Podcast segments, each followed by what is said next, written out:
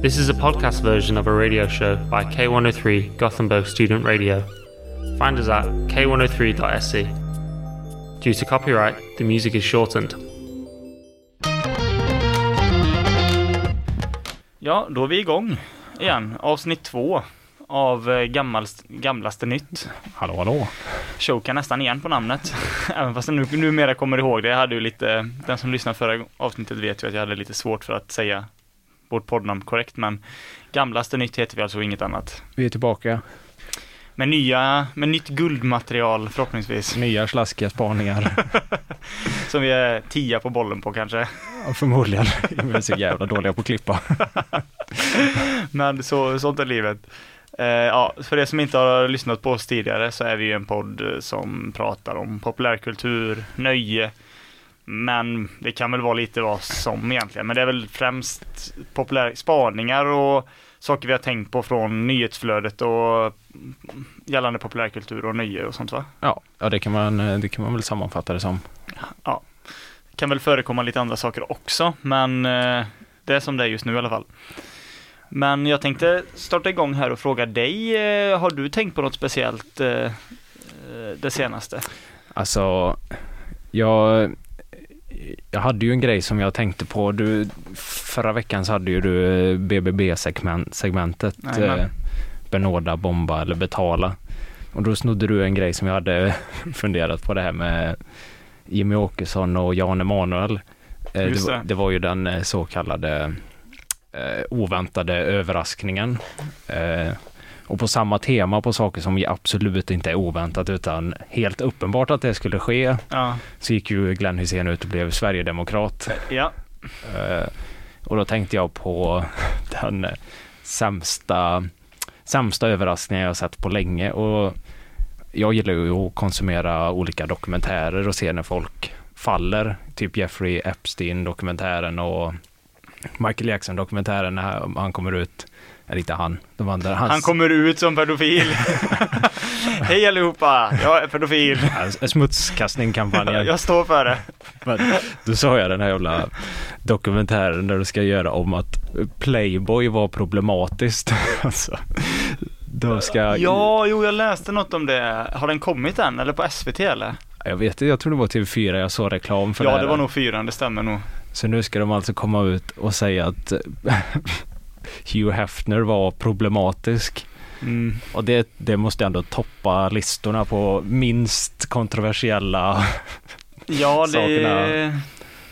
det, känns, det känns nästan ännu mer än eh, Åkesson och eh, Emanuels turné faktiskt. Det, att han hade usel kvinnosyn och utnyttjade kvinnor dels för pengar och dels för Dels sexuellt, det känns inte som att det kan komma vara någon skräll för någon som inte levt under en sten de senaste 70 åren. Nej, nej, alltså den, den går in under alltså, ja, minst förvånande överraskningarna jag någonsin varit med om.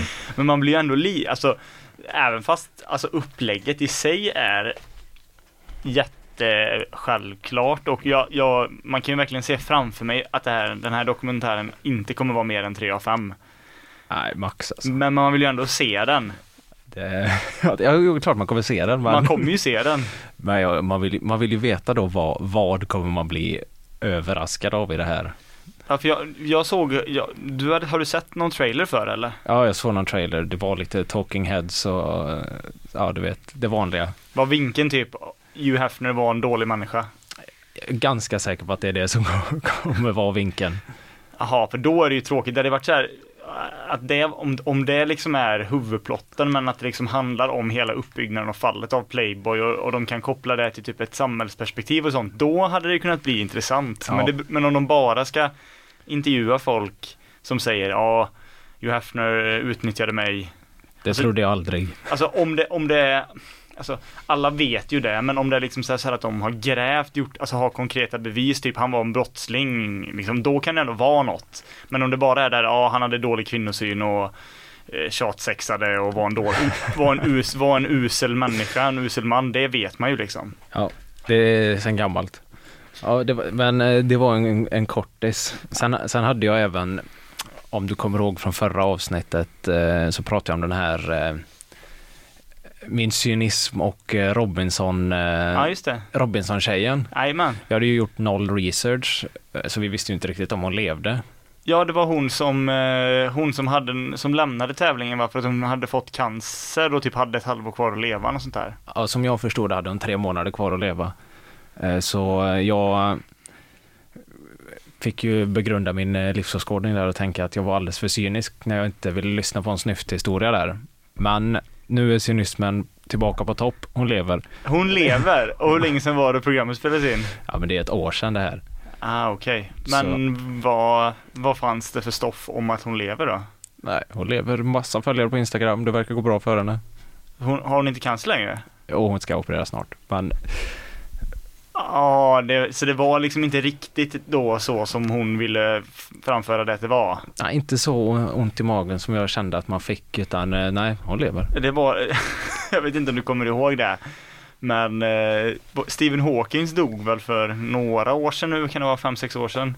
Eh, Eller var det ännu längre sedan? Han dog i alla fall för inte så jävla länge sedan. Han var, vi är ju 26 och 25 så att han var ju, levde ju och uttalade sig ibland i media när vi var yngre och så. Men eh, han är ju död nu, det vet jag. Annars så blir jag sjukt chockad, jag vet han. Eh, jag, jag kan våga säga att jag vet att han är död. Men han var ju också så, han hade någon sån här jättesällsynt muskelsjukdom. Jag minns inte, var det MS han hade eller ALS eller något sånt tror jag? Oh, vi säger ALS. Ja. Jo, men var det inte han som var hela den Ice Bucket Challenge-grejen? Jo, det var det kanske. Och han var lite så här front, frontfigur för den, den rörelsen. Det var ingen som kastade is på han, tror jag inte. Han, eh, han bad sin sekreterare hälla is på honom.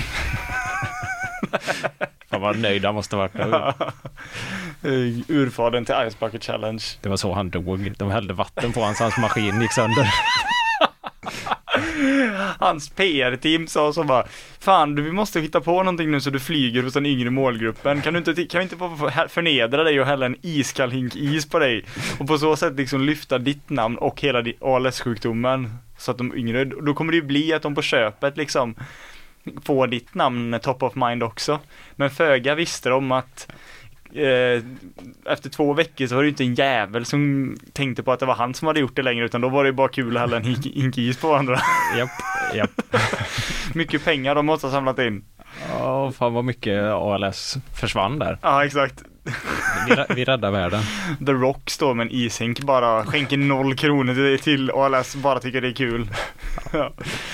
Nej, Ja, vad fan. Men vad var vi? Eh, I alla fall, vad har hon Robinson-deltagaren där? nej, nej, men det, det var egentligen bara det jag skulle säga, att min eh, eh, cynism är tillbaka. Hon lever.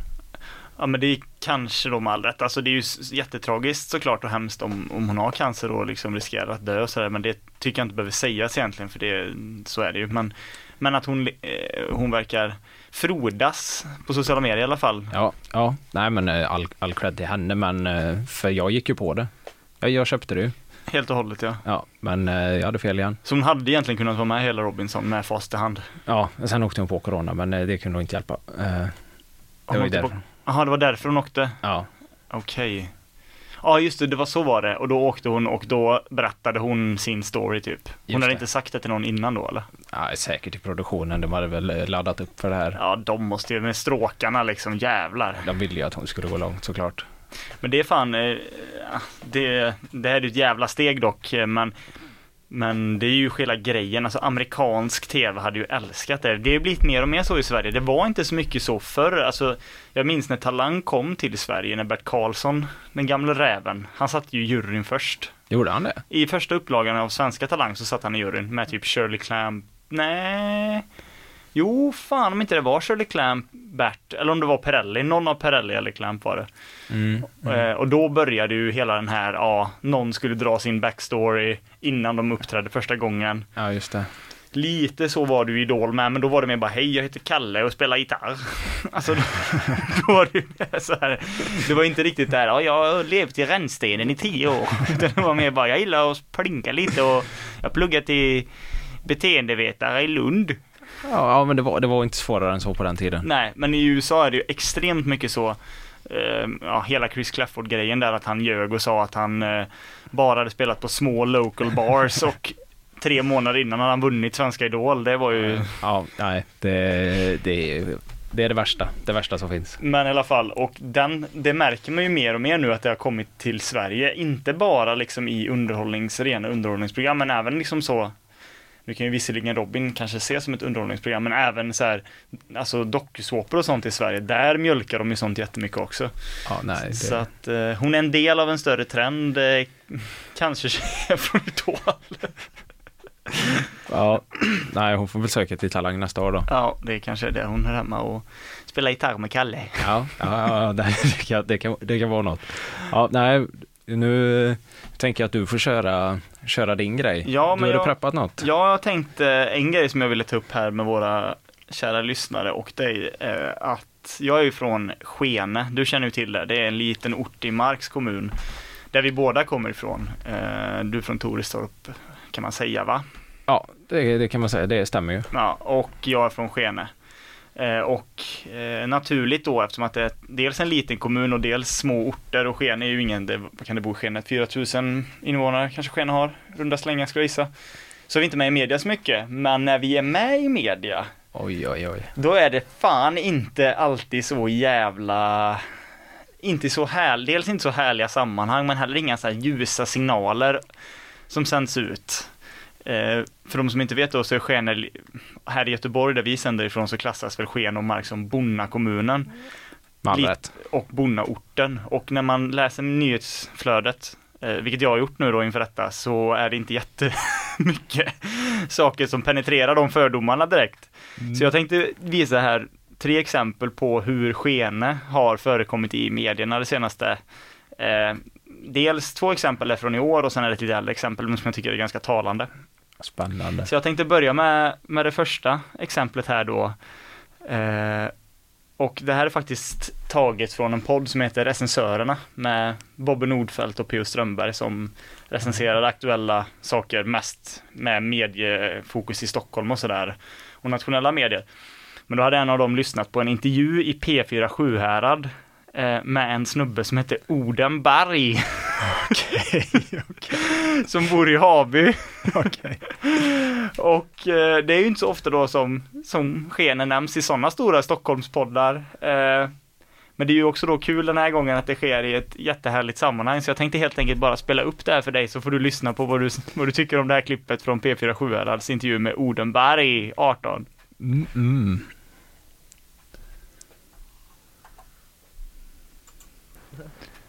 Odenberg från Haby, Skene, Marks kommun. Du bor granne med ett eh, citat coolt rör. Hur är det? Nej, det är, det är riktigt fräckt faktiskt. Det är, inte alla, det är inte alla som gör det. Och vad är det här? Vad är det som gör detta röret coolt? Ah, det är mest att det är, det, det är så långt och så stort. Och det, det finns inte många som är i Sverige eh, av denna kalibern direkt. Och när du säger kaliber, ska vi... Det är liksom tre meter i diameter. Jajamän. Det är, det är riktigt tungt det här röret. Det är härliga signaler som sänds ut när bilden av Skene och lokalradion är att någon blir intervjuad om ett coolt rör. Man vill ju se röret alltså. Du bor granne med ett coolt rör, hur är det? Nej. Alltså vad är det här? Är det här någonting? Är det någonting att man bor granne med ett rör? Ett stort rör? Som, alltså det är inte riktigt granne heller. Det finns en bild här också som som inte ni lyssnare ser, men jag tänkte jag skulle visa Bertil hur han ser. Ja, det är ju ett coolt rör. Alltså det är ett ganska stort rör. Ja. Men... men och jag som är från Skene vet ju vad det är. Min, jag har släkt som bor i Haby då, där delen i Skene där Odenberg bor. Ja, det är ju respekt ändå. Men det eh, fastnade jag lite vid och tyckte, ja men fan. Härligt, i Skene finns det bönder som heter Odenberg efter asagudar och lokalradion gör inslag om coola rör. Så det var första exemplet då. Andra exemplet är faktiskt hämtat från 2019. Orden är, ja det var ju förra veckan bara. Men då var det i Skene på Willys. Eh, och det här är en Aftonbladet-artikel. Skabbsjuk räv går bärsärkagång inne på Willys. Nej. Tumult vid matbutik, räv till angrepp. En räv har gått till angrepp mot flera personer i matbutik i Skene. En person bet men klarar sig utan skador. så att, eh, ja, då var det Polisen larmades vid 9.30-tiden på fredagen. Då hade en räv först tagits in i Willys matbutik i Skevne, Marks kommun, och sedan jagat flera personer på parkeringen utanför. I samband med det ska även en person ha bitits.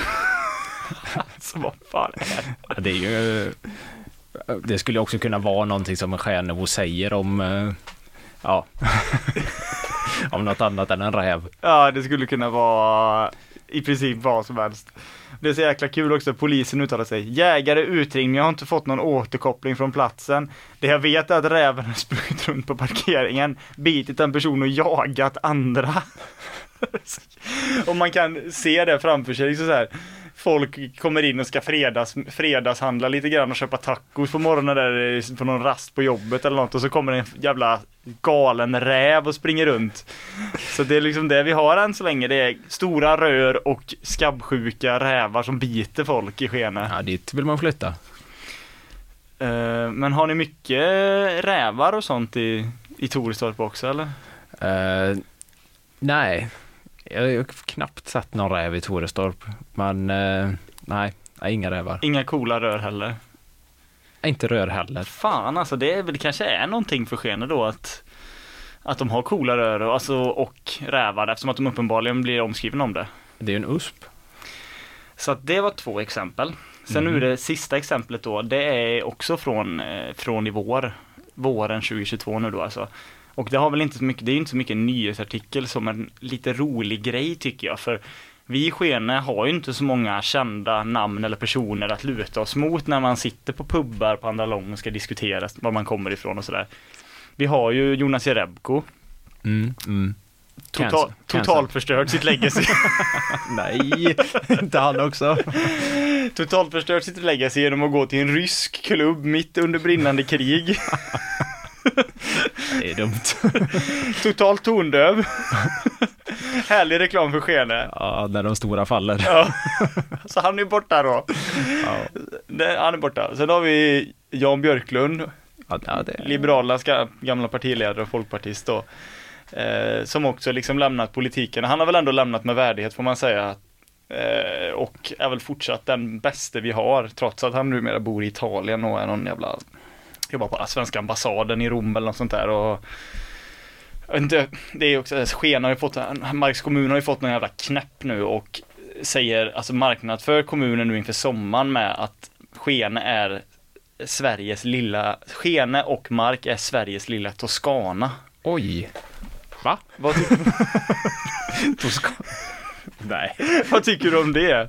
Nej, det, det är nog det dummaste jag har hört. Vadå Toscana? Vad, vad har vi med Toscana? Är det för Jan Björklund? Nej, jag, vet, jag, jag, jag, jag, tror att jag läste någonstans att han typ sa det på skämt någon gång och att kommunen har plockat upp det och kör det som sin slogan nu när de marknadsför mark. Och det är så jävla, det är ju en trend i sig det här med att Ja, men, jag vet inte om det är liksom medierna som har lanserat det, det är väl ett samspel antar jag, men att, att man ska kalla saker lilla, typ, ah, nu byggs Stockholms lilla New York, alltså du vet Ja, det är så här, ja. det är så jävla pissigt tycker jag. När de ska hålla på att använda den här retoriken. Nej, det, det håller nog inte egentligen. Nej, ja men typ nu byggs, eh, nu byggs Central Park mitt i Göteborg. Tror jag GP hade någon artikel. Ja, det är så... Det är orent. Det är ovärdigt och orent är det. Kom på något själv. Kom på något själv. Fan. Det skulle bli kul om så här Lettland skriver så här, nu bygger vi, nu, nu görs det utrymme för nya Slottsskogsparken i Vil, nej vad, vad heter Lettlands huvudstad? Eh, Riga va? Estland, Lettland, Tallinn, Riga, Vilnius. Ja just det, Riga är, Riga är Lettland va? Det stämmer nog. Ja. Ja, så att de bara, nu byggs Slottsskogsparken i Riga.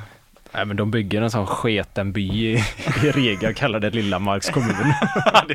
Ni fattar vilken bra comeback det hade varit om Toscana byggde något sånt mikrosamhälle och skrev Italiens lilla mark. Lilla sken. Fy fan. En så liten pappfigur på den skabbräven. Nej, gör som, gör som Liseberg och Gröna Lund gjorde förr i tiden att de hade en by med kortvuxna som fick bo där i nöjesparken och, och leva där som public attraction. De gör samma grej fast drar ner lite skenegubbar som har tröttnat på livet och så får de vandra runt där, i, Toscana. Ja, då, då hade man ändå åkt dit. Ja, fan vad jag hade åkt dit kan jag säga. Ja, verkligen. Vi ser typ, eh, ser han, vad fan är det han heter? Det är någon gubbe som heter typ Kjell eller något, han är på alla Skenes matcher. Han heter nog inte Kjell så jag outar ingen här, jag vet inte vad han heter men han är på alla Skenes match, fotbollsmatcher, var han är och spelar.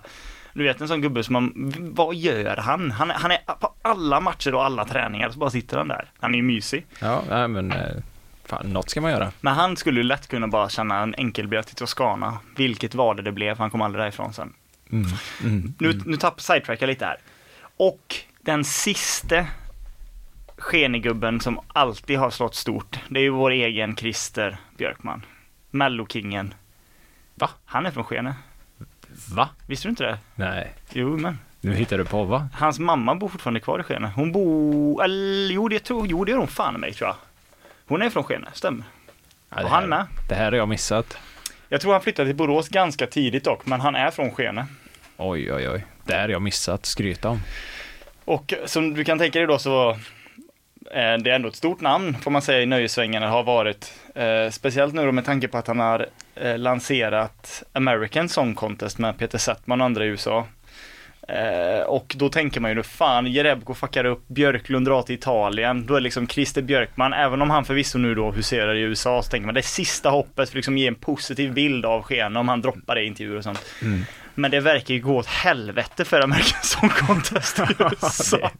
Ja, jag har hört några låtar, det är katastrof. Det är så dåligt och tyvärr då för Skenes skull så är ju tittarsiffrorna därefter. Han, han har ju sna- snackat i mycket intervjuer och, och i en intervju med tidningen QX så rabblar han liksom om att liksom mellan raderna att det här är liksom ett säkert kort. Det kanske kommer gå lite trö- trögt i början men det här liksom, vi tror på det här och eh, NBC-studion tror på det här starkt och liksom varit lite kaxig och så här, fan.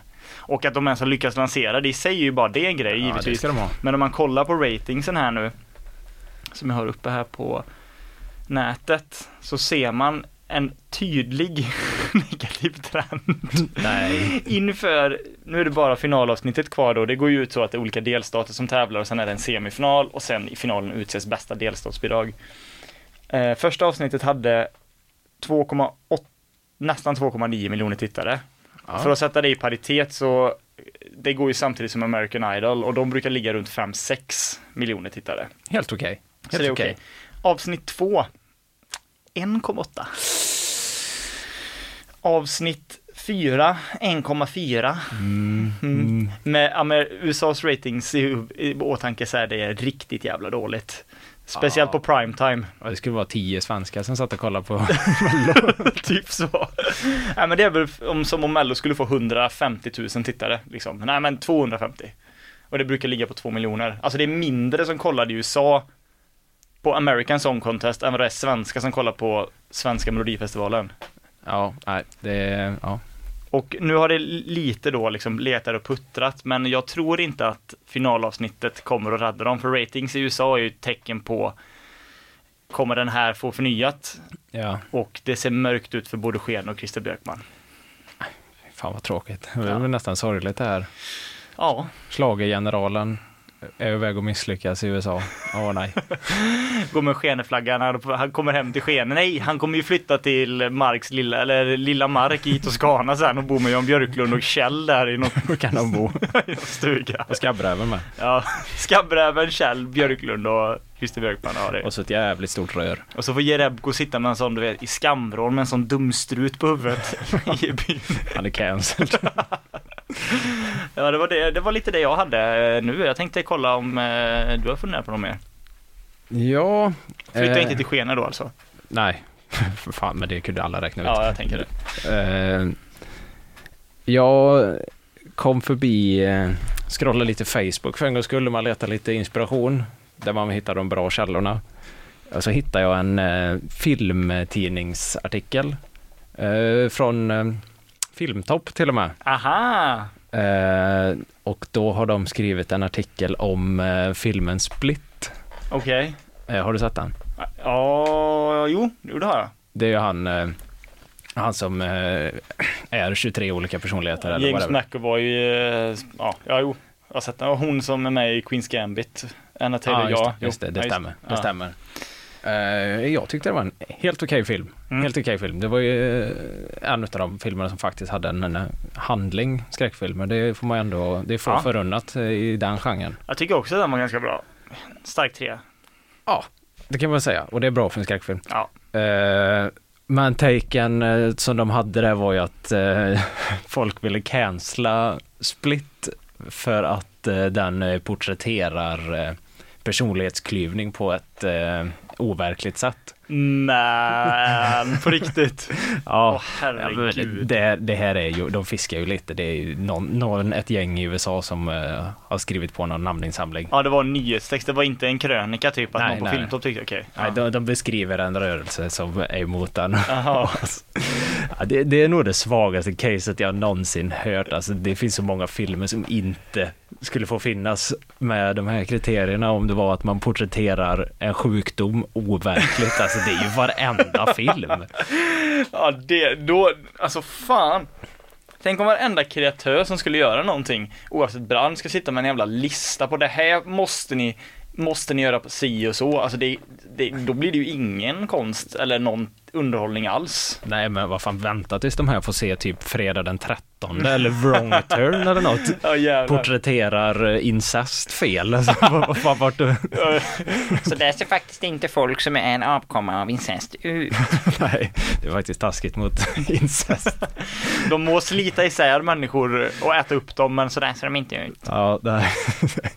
nej det, det, det kändes som eh, en av de svagaste eh, cancel-försöken jag sett. Men alltså det är ju så dumt, alltså jag, jag, å ena sidan så kan jag fatta så här att om man ser en film som man tycker är jättedålig och sitter då liksom för skojs skull, man är ett gäng kanske, kollar film och bara, ja för fan det där är ju så jävla orimligt, typ att de ska om man ser, eh, ja men om man har erfarenhet av att jobba med demens eller Alzheimers eller något Ja, sånt där och så ser man typ en skådis som ska gestalta det och så är det så jävla dåligt, man bara men vad fan kom igen, så där, det, det fattar jag, men det är typ en sak det här är något annat. Det blir ju typ att titta på en film och typ sitta så bara, Mm. Fan, så där, så där eh, funkar inte med personlighetsklyvningar. Nej, nej, alltså vad fan. Har du kollat på den här eh, Exorcist, Exorcisten eller vad heter den? ja just det. Så där funkar inte demoner faktiskt. Så där, fun- så där hände det inte alls. Det var hände faktiskt inte på riktigt så. Nej för det blir ju verkligen, kontexten är ju allt och det, när, det är i en sån skräckfilm, det är bara, den har ett, två jobb, underhålla och skrämma. Sen Ja. hur den gör, det spelar ju ingen roll överhuvudtaget egentligen. Det hade varit en sak om det var typ en, ja men en eh, baserat på verkliga händelser, drama om en person som hade det. Då Ja. kan man ju ändå, alltså man kan inte kräva att det ska utföras på ett exakt rätt sätt, men då kan det ju ändå vara en legit, legit kritik, det bara fan de kunde ha ja. gjort det här bättre. Ja, ja, ja. Nej, nej, och personlighetsklyvning alltså. Det är ju kul. alltså. Det är jättekul att han är, vad är det, 23 olika personer i en. Ja, det är ju, det är ju magiskt. Och de bara, Man kan bara vara fem faktiskt. Max. Men nu tänker jag att den här, den här gruppen då som har eh, startat namninsamlingen. Det kan ju vara så att det bara är en person. som har 50 000 personligheter. som har gått ihop och skickat in där. Det hade varit så jävla sjukt. Det är fan meta personlighetsklyvning där. Otrolig meta. Skri skrivit någon jävla smart journalist på typ New York Times sitter och avkodar varenda namnskrifter och ser att det liksom är en variation av exakt samma 11 bokstäver. Och bara oh shit. Ja, nej. Och sen eh, tänker jag även att eh, det som eh, de kritikerna faktiskt har missat, den stora det stora budskapet om psykisk och ohälsa och sjukdom. Det kommer ju de typ fem sista sekunderna när allas eh, älskade Bruce Willis som är i, fem sekunder. Han får ju gå där som en gubbe med tom blick i fem sekunder i slutet. Frågan är om det var, för de som inte vet då så har det varit en jävla kontrovers i USA om att Bruce Willis skådespelaren från, känd från Pulp Fiction, Unbreakable, Die Hard. Alla filmer. Alla, han har, ja det känns som att han har varit med i alla filmer faktiskt. Typ som, som vi pratade om förra veckan, Samuel Jackson då. Eh, och eh, att han har fått afasi och gjort massa filmer nu de senaste två, tre åren. Att han har varit, han, när han har varit helt jäkla väck och de, hans agenter och sånt har utnyttjat honom. Ja, förmodligen Alzheimers på någon front. Ja, det låter för virrigt för att bara vara afasi. Ja, ja, nej, fast det är ju bara att man är dålig på att prata. Eller Ja. inte dålig på att prata, men att man har svårt att prata, uttrycka sig. Ja, så Eh. att, eh, ja. eh, och det, Så fråga, det är han som är hela... Det är, han, det är hans sjukdom de porträtterar. Han går där med tom blick, vet inte vart han är. det är liksom det övervägande metabudskapet. Det är också han som har skrivit sig till att samla in alla namnunderskrifter utan sitt eget medvetande. Kanske. Han inte ens, inte ihåg att han är med i filmen ens. Nej, Han ser filmen, blir vansinnig och samlar in massa namnunderskrifter. Det är inte trovärdigt, men det är ju du. Ja, fan. Ja, just det, han är med där. Frågan är om han fortfarande, om han fortfarande var lite sane, för den kom, nej fan den kom typ 2018 något va? 2016? något sånt. 2016 tror jag den kom. Ja, han kanske ändå var med då mer. Ja, ja. Det är ett gräv till nästa vecka. Ja, va- va- var han dement redan då? Var Bruce Willis dement när han spelade in Split? Uppenbarligen, han fick ju vara med i fem sekunder. Alltså det är ju, jag fattar, jag bara, va- det var, han var den sista gubben som bara gick. En jättekonstig slutscen. Men jag vet, men har du sett Unbreakable?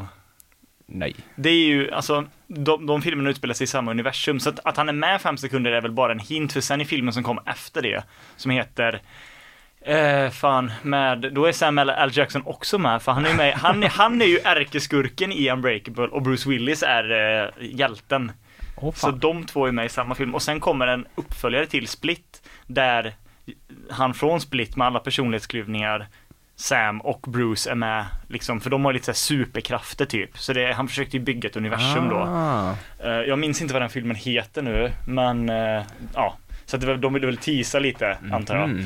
Men det är ju, för den som inte har sett Unbreakable blir det ju jättekonstigt. Då kommer, kommer Bruce Willis, Han är helt okommenterad.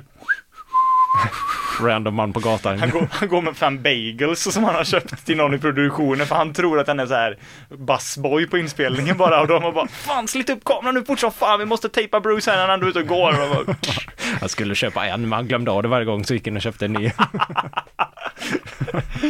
Åh jävlar. Ja, Bruce Willis han får eh, fem av fem och Split får tre starka av fem. Ja, och eh, ja, jag tycker de inte ska ta ner den från Netflix. Nej, den ska faktiskt få ligga kvar. Den borde, Se om vi kan samla in 50 000 namnunderskrifter. för att eh, den ska stanna. Ja, men vi kanske inte kan förlita oss på lyssnarna i det avseendet, så vi kanske måste bara klyva våra egna personligheter. Men det går ju, för om vi klyver då lika mycket som den här personen som har skickat in det, så får vi 100 000. Ja. För vi är ju två. Ja, ja men det är inga konstigheter. Ja, det fixar vi det. Ja, nej, det var det jag hade om eh, Split idag. Det var split-temat ja. Eh, och eh, jag har väl tänkt att köra en, eh, en favorit i repris från förra veckan, en ny BBB. Äntligen. Eh, som kanske någon gång i framtiden, om vi fortsätter med det, får någon sorts av jingel. Eh, vi får väl se. Men eh, alltså veckans BBB, benåda, bomba eller betala. Och denna veckan är det lite speciellt för nu är det galatema!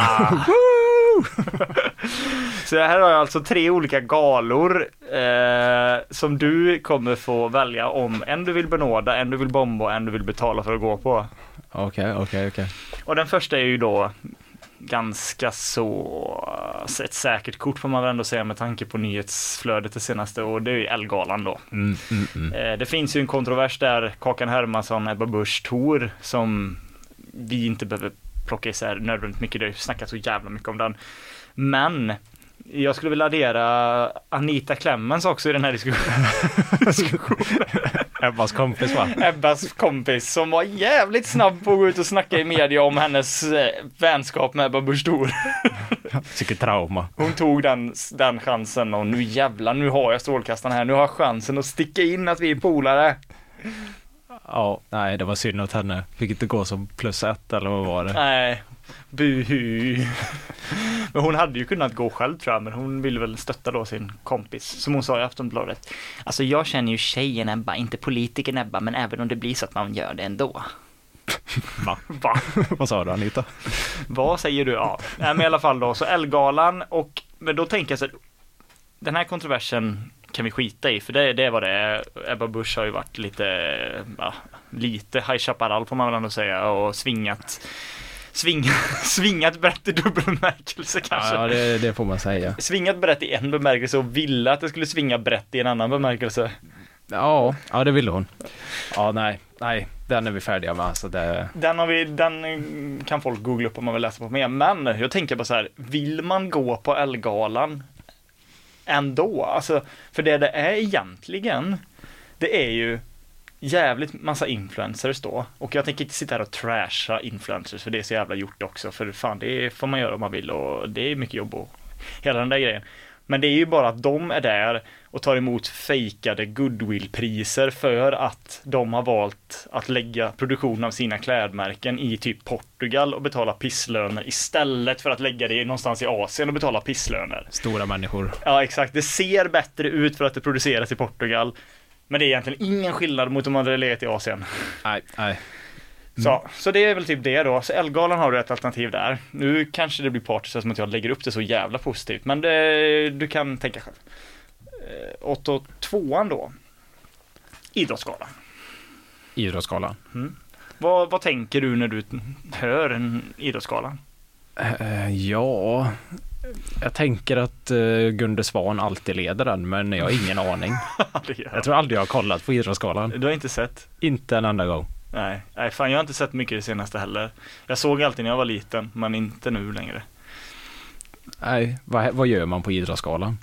På Idrottsgalan så delas ju ut flera priser, men de enda två som betyder någonting egentligen är väl Svenska Dagbladets eh, bragdmedalj, bragdpriset i alla fall, årets bragd. Och så Jerringpriset då från den här sportjournalisten Sven Jerring. Det är väl de två mest prestigefyllda.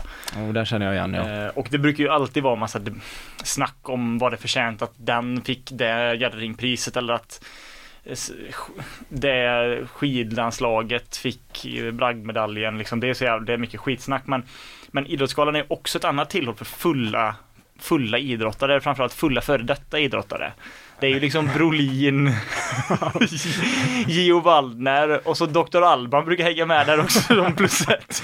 ja. På något vis är han ju en idrottare. Så de sätter ju där och dräcker Fernet och blir eh, lite rödlätta. Och så är det ju alltid Gustavsson då som kör sin Tony Rickardsson imitation. Jag tänker inte ens försöka. Men Nej. han har gjort det 12 gånger där kanske. Ja, Och river ju ner varje gång. folk älskar skiten. Men det har han gjort det 12 gånger. Eh, och sen är det ju alltid då en, eh, en alltså Jerringpriset går ju alltid till en simmare eller till en ridhoppare i princip. Så att eh, det får man ju räkna med om man går då. Och gillar man rid, ridsport och rididrott och, och simning då så är det ju kanon. Och eh, hejar man på någon bollsport eller sådär så ja, då kanske man inte ska förvänta sig för mycket. Nej, nej. Men det kanske räcker med supa med Brolin och Gio tänker jag. Ja, om det ingår i galan så är det fan, det, det ligger ändå högt alltså. Ja, fan, nu kanske ni fick en hint där vad han kommer välja sen. Men... Och så det sista är en jävla bubblare. Jag tänkte ta diabetesgalan. och eh, ja, du känner till diabetesgalan och Peter Jihdes, att han har lett en massa gånger och sånt eller? Eh, Ja, jag känner till eh, konceptet här. Ja. Och du känner till Jihdes kamp för diabetes typ Ja. 1 också? Jag är mycket, mycket insatt i Peter Jihde. Men är det, är det typ ett han har? Ja, typ 1 är väl den här ver- versionen där du inte har producerat något eget insulin va? Ja. Ja, han har den, den varianten. Men den ska ju vara medfödd. Hur fan kan han? Nej, han måste ha typ två eller? Nej men jag kollar fan upp det innan och han säger själv att han har typ 1. För att han, den är ju inte medfödd, han fick ju den 2012. Vet jag, för det läste jag innan. Men eh, det ska vara, för typ, för typ 1 är den svårare va- varianten så att säga. Ja, ja, ja. Och, och jag, det, det kan ju vara så att de flesta föds med det, men att man i sällsynta fall kan få det senare i livet om man har misskött sig. Jag vet inte fan alltså. Eller om man vill bygga en karriär på det. Då kan man få det. är det en spaning du har här? Alltså att, att Jihde själv säger att han har typ 1 betyder att han inte har någon diabetes alls. Han är bara en heroinist i smyg som har avtändning varenda gång han... Han fick ju för fan diabetes i livesändning när de skulle prova blodsocker. Så att, fick diabetes. Ja, precis. Han fick ingen diabetes. Han fick en avtändning för att han hade varit uppe med Patrik Sjöberg och eh, Jan Emanuel och dratt kokain och heroin eh, på något hotell kvällen innan. Ja, och där fick ju Peter en känga. Ja, nej. Peter, det han gör är, bra. Skitsamma. Men diabetesskalan går inte år, inte vad jag kan läsa mig till i alla fall. Den var 2021.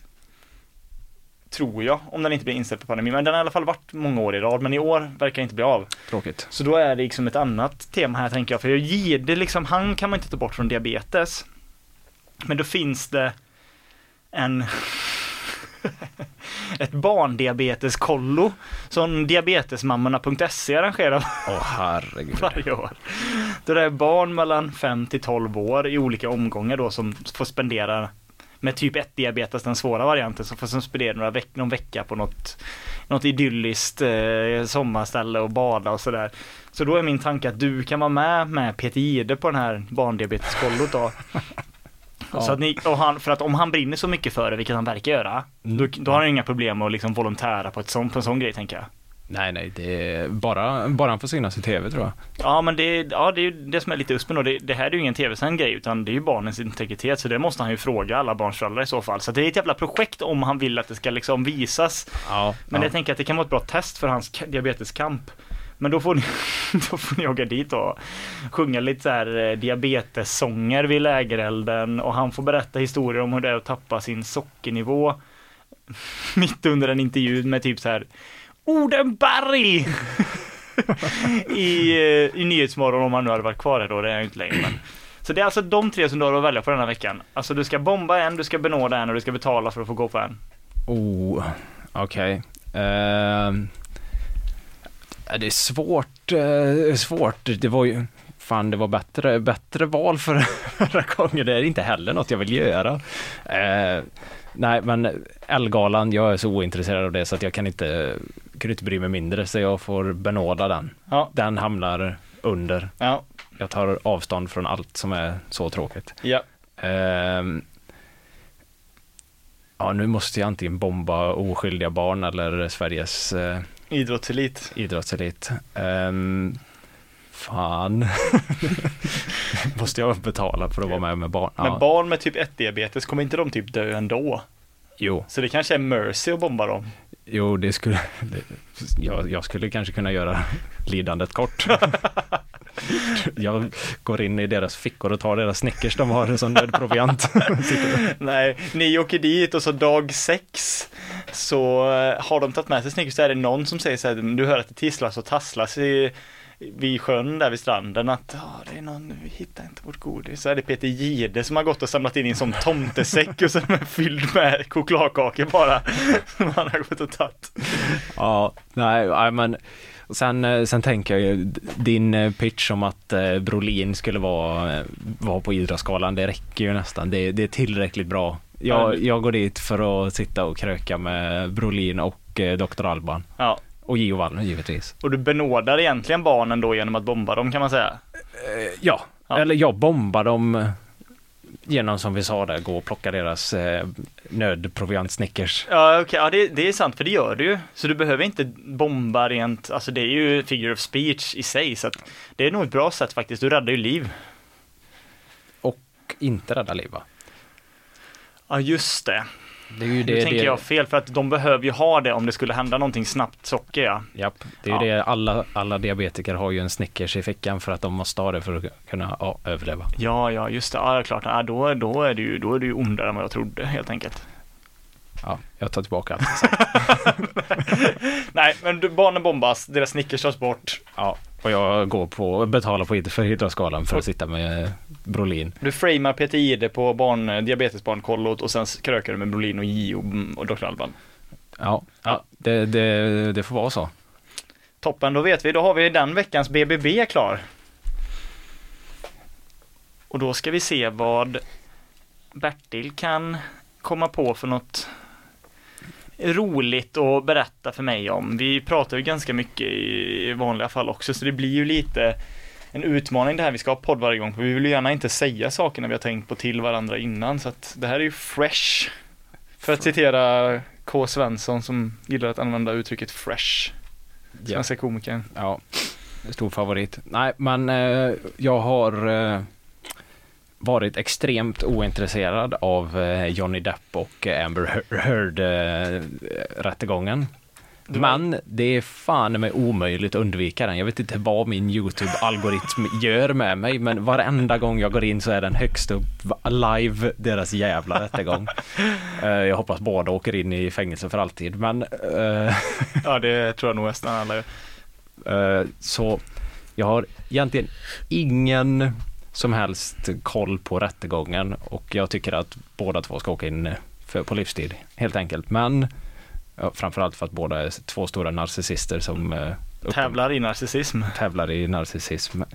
Eh, men det som nästa förslag jag får upp min eh, YouTube-algoritm är, jag vet inte, känner du till det här eh, YouTube-konto som är Charisma on demand? Det är för mig helt obekant. Eh, det är en sån här eh, typ incel-killar, eh, den är riktad till incel-killar, typ någon Jordan B. Peterson fast, fast lite fräsch som ger tips hur man ska bete sig i vardagen, hur man ska hantera olika situationer. Ah, Okej.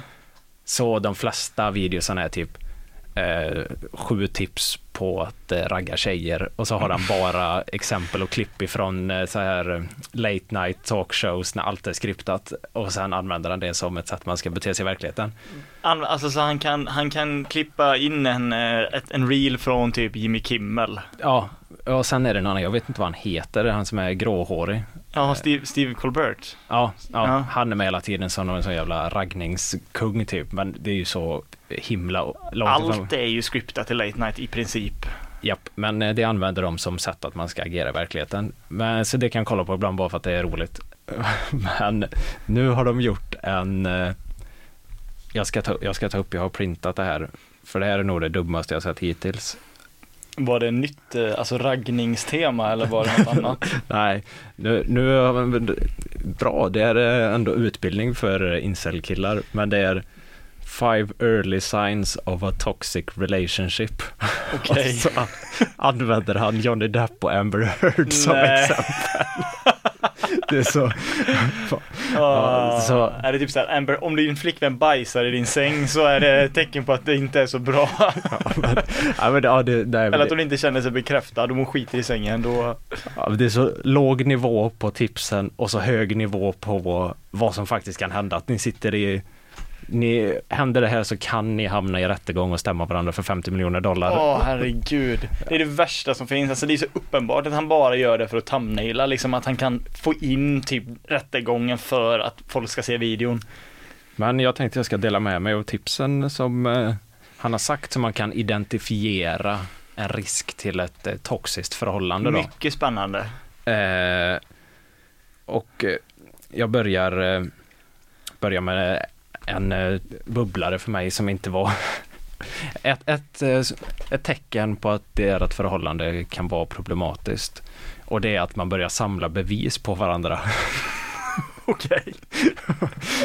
Tänker jag personligen, då kanske det har gått för långt. Ja, samla bevis. Eh, exempel. Amber Heard filmar Johnny Depp när han är pissefull och slänger flaskor inomhus. Vad är det som är toxic här? Nej, då är det ett tecken på att det inte är bra. Nej, nej, nej. Det är jävla Amber Heard som filmar. Det beror för sig lite på vilket syfte ens flickvän filmar. Om man liksom går runt och har världens roligaste rant och kliar sig i naveln och häller vin på marken. Ja, det är i och för sig, det, det är inte, det är väldigt få scenarion det är roligt. Ja, eh, och sen, här kommer de som är riktigt dåliga. Eh, att ett tecken på ett toxiskt förhållande är att tro att man är kompatibel fast man inte är kompatibel. Men vad fan. Du ska alltså inte bli tillsammans med någon som du inte är kompatibel med för att du tror att du är kompatibel med den. Så att hur, hur, eh, alltså du ska liksom om jag eh, då liksom träffar min sambo när jag träffar henne så känner jag, ja men fan vi är kompatibla. Då tror ju jag det, för jag kan ju omöjligt Mm. veta om vi är kompatibla eller inte. Eh, innan man det gått tid. Men då om jag tror det, då ska jag skita i det. Eh, japp. Så då är det, ja men det, det make ju sense då för att om man vill leva som en incel för alltid så är du ett jättebra tips. Japp. Japp.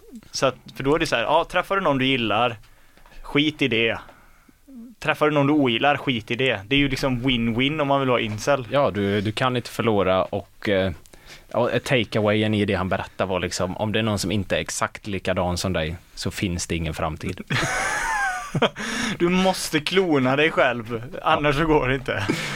Eh, jag skippar två till som är jättedåliga och så tar jag den som är absolut bäst.